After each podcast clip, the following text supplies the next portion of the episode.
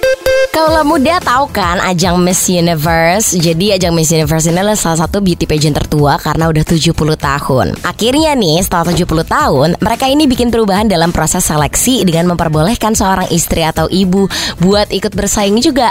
Jadi kalau berdasarkan memo internal yang diperoleh di National Pihak organisasi ini bilang Bakalan selalu berusaha buat berkembang dari waktu ke waktu. Jadi mereka percaya perempuan itu harus punya hak pilihan atas hidup mereka. Jadi kayak misalnya menikah atau punya anak itu gak boleh menghalangi peluang sukses mereka bahkan di ajang internasional kayak gini. Nah, coba aturannya kayak gini dari dulu. Bagus lah, berarti lu udah bisa ikutan nih Bel. Saya kan masih single pak. Ya nggak apa-apa kan Miss Universe kan buat orang-orang yang single juga bisa. Bener sih, di sini sih ditulisnya pokoknya gini. Wanita lajang usia 18 sampai 28, belum punya anak boleh, udah punya anak boleh, siapa pun tapi umur segitu. Kayak mohon maaf nih, memang sih tidak ada peraturan tertulisnya. Tapi saya tahu kayaknya minimal tingginya tuh mungkin 170 175.